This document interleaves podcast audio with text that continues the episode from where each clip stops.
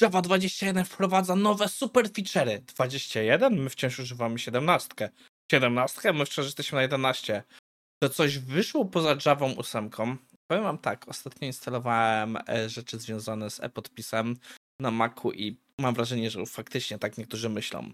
A w dzisiejszym odcinku młodzi kodują i priorytety lidera. Czas zacząć!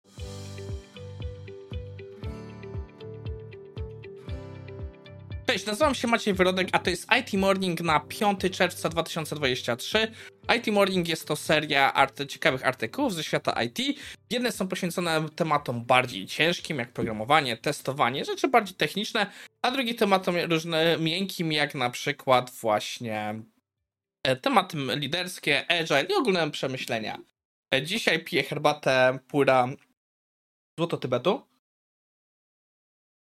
i dalej testujemy nowe konfiguracje mikrofonów, więc wszystko ciekawego może się wydarzyć. Jak coś jest nie tak z dźwiękiem, dawajcie znać, bo na pewno jeszcze parę odcinków będę to konfigurował, bo niestety to, co jak u mnie dźwięk brzmi normalnie, to jeszcze później jest kwestia YouTube'a, co on zrobi z tym dźwiękiem. Ale bez dalszego przedłużania, czas wejść w nasz pierwszy materiał, e, którym jest coś, co znowu poznałem w ramach konferencji Automatyzacja testów w praktyce. E, znowu Jan Sabak, e, jak było trochę dyskusji o właśnie e, programowaniu, to wspomniał, że jest takie, taki język do programowania dla młodych, co się nazywa Heidi. Jest to język, który celowany jest, jeśli dobrze rozumiem, czy to słyszeliście, bo właśnie Louis się otrzepywał. Jest to język, który jest celowany właśnie w dzieci w wieku takim przednastoletnim, jeśli dobrze rozumiem, osoby od 10 do 15 roku życia teorii ma on zastąpić takie rzeczy, ma być podobnej kategorii jak właśnie e, logo Comenius, co niektórzy my używaliśmy w liceum, czy nawet w gimnazjum i właśnie takie języki jak Scratch i tak dalej. Chociaż przyznam się szczerze, czy na pewno takie języki są w tym momencie potrzebne. Ja pamiętam, że ja zacząłem bawić się z HTML-em mając 12 lat, a jakieś rzeczy w Delphi próbowałem pisać jak miałem 13-14, więc... E, hmm, gdyby, wydaje mi się, że jakby tutoriale były bardziej przystępne, to by to już nie był problem, ale e, też wydaje mi się, że jak są jakieś narzędzia, które mogą być bardziej przystępne, to fajnie, żeby te narzędzia były i żeby je udostępnić e, ludziom. Mój największe zastrzeżenie do całego Heidi jest to, że większe rzeczy, które tutaj są, wymagają zalogowania. Próbowałem zobaczyć, czy jest jakieś informacje, czy to jest gdzieś coś płatne, ale nie udało mi się znaleźć. Wydaje mi się, że to jest darmowe. E, jest to, to mnie bardzo właśnie zaciekawiło właśnie z perspektywy takich rzeczy do nauki dla e, dzieci. Mają też swój GitHub, gdzie są dość aktywni. Patrzyłem, że nawet jakieś e, problemy z zadaniami i tak dalej. Miesiąc temu były jakieś komity. Nie widziałem nic od początku maja, ale no przyznam się szczerze, w ciągu miesiąca jak coś się nie dzieje, to nie jest aż tak źle, bo wcześniej dość regularne. Więc wydaje mi się, że jeśli macie dzieci, macie jakichś znajomych w tym wieku, co myślą o programowaniu lub chcecie ich tym zaszczepić, wydaje mi się, że to może być ciekawe narzędzie do tego. Um, idziemy dalej. Naszym następnym artykułem jest temat e, priorytetowania jako e, lider, jako właśnie lider. I autor mówi, że tak naprawdę największy problem dla liderów jest tak, że my cały czas tkwimy w nieskończonych to-do listach i kompletnie ogromnej ilości priorytetów, które są z sobą niekompatybilne, i jak najbardziej muszę się z tym zgodzić. My właśnie też szykujemy się u nas w firmie w ramach jednego projektu do dyskusji, jakie są nasze, e, nasze priorytety, bo no trochę nam się rzeczy nie zgadzają z tym, jak my odczuwamy te priorytety, a jak odczuwają te inne, więc jak najbardziej to rozumiem. Ja tutaj trochę dyskutuję, jak można tym zarządzać. I zaczyna od tego, żeby priorytetyzować, priorytetyzować, priorytetyzować, priorytetyzować.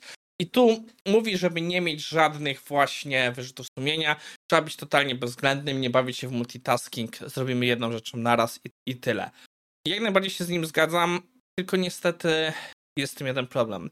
Jako lider, my i tak często senior, my też musimy mieć tą przestrzeń do tego, żeby reagować na to, co się dzieje, bo przychodzą ludzie z różnymi tematami pilnymi, coś trzeba robić. Ja trochę z książki The Goal wyciągnąłem to, że e, właśnie autor mówił w wypadku fabryki, e, jeśli jakieś stanowisko pracuje więcej niż na 60% swojego capacity, to znaczy, że są jakieś e, z nim problemy. Ja najczęściej właśnie jak planuję swoją pracę, to planuję na 60% mojego capacity i często jest to bardzo dobra opcja, bo właśnie jak nie, to mam zawsze tą wiadomo jakieś rzeczy inne, które mogę zrobić.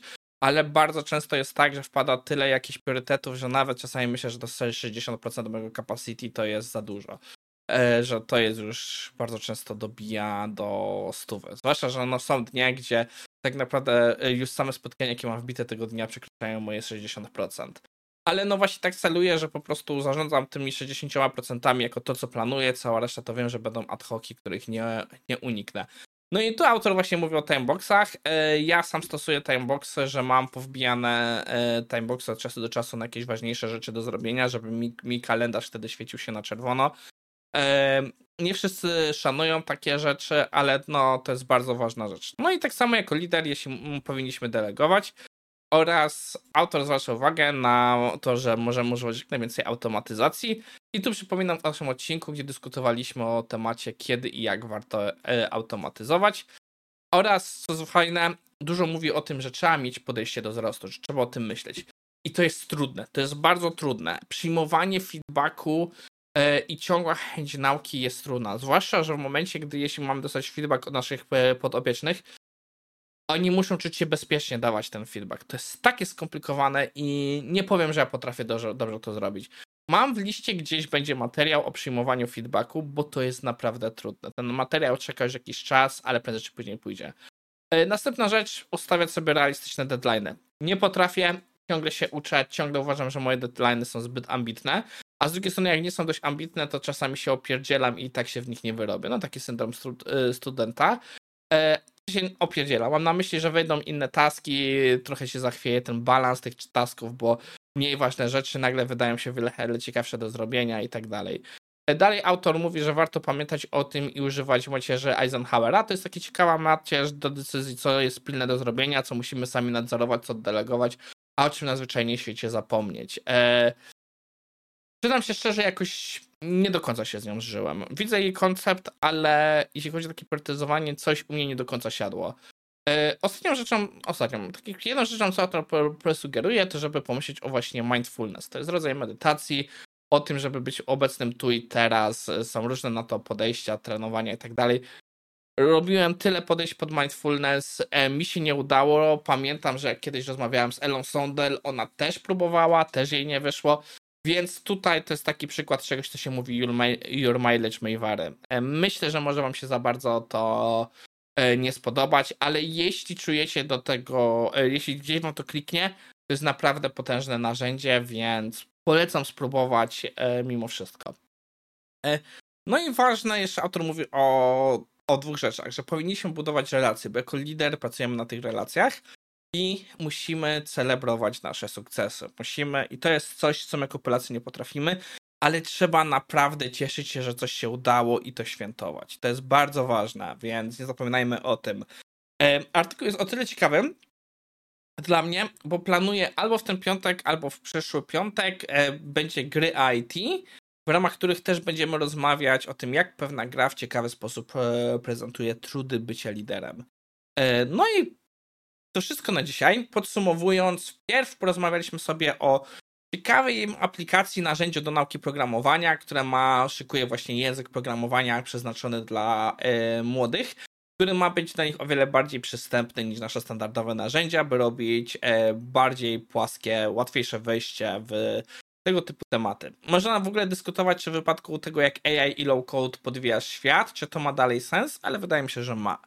A później porozmawialiśmy sobie o tym, jak trudno być liderem i jak możemy sobie to ułatwić. To wszystko na dzisiaj. Widzimy się jutro. I przypominam, że w czwartek jest Boże Ciało, więc czwartego odcinku nie będzie. E, najprawdopodobniej w piątek też nie będzie odcinku. Zrobię sobie po prostu dłuższe wolne, ale to jeszcze nie gwarantuję. Właśnie dlatego mówię, że może być odcinek specjalny albo w ten piątek, albo w następny, bo jeszcze nie podjąłem decyzji. To wszystko. Widzimy się jutro.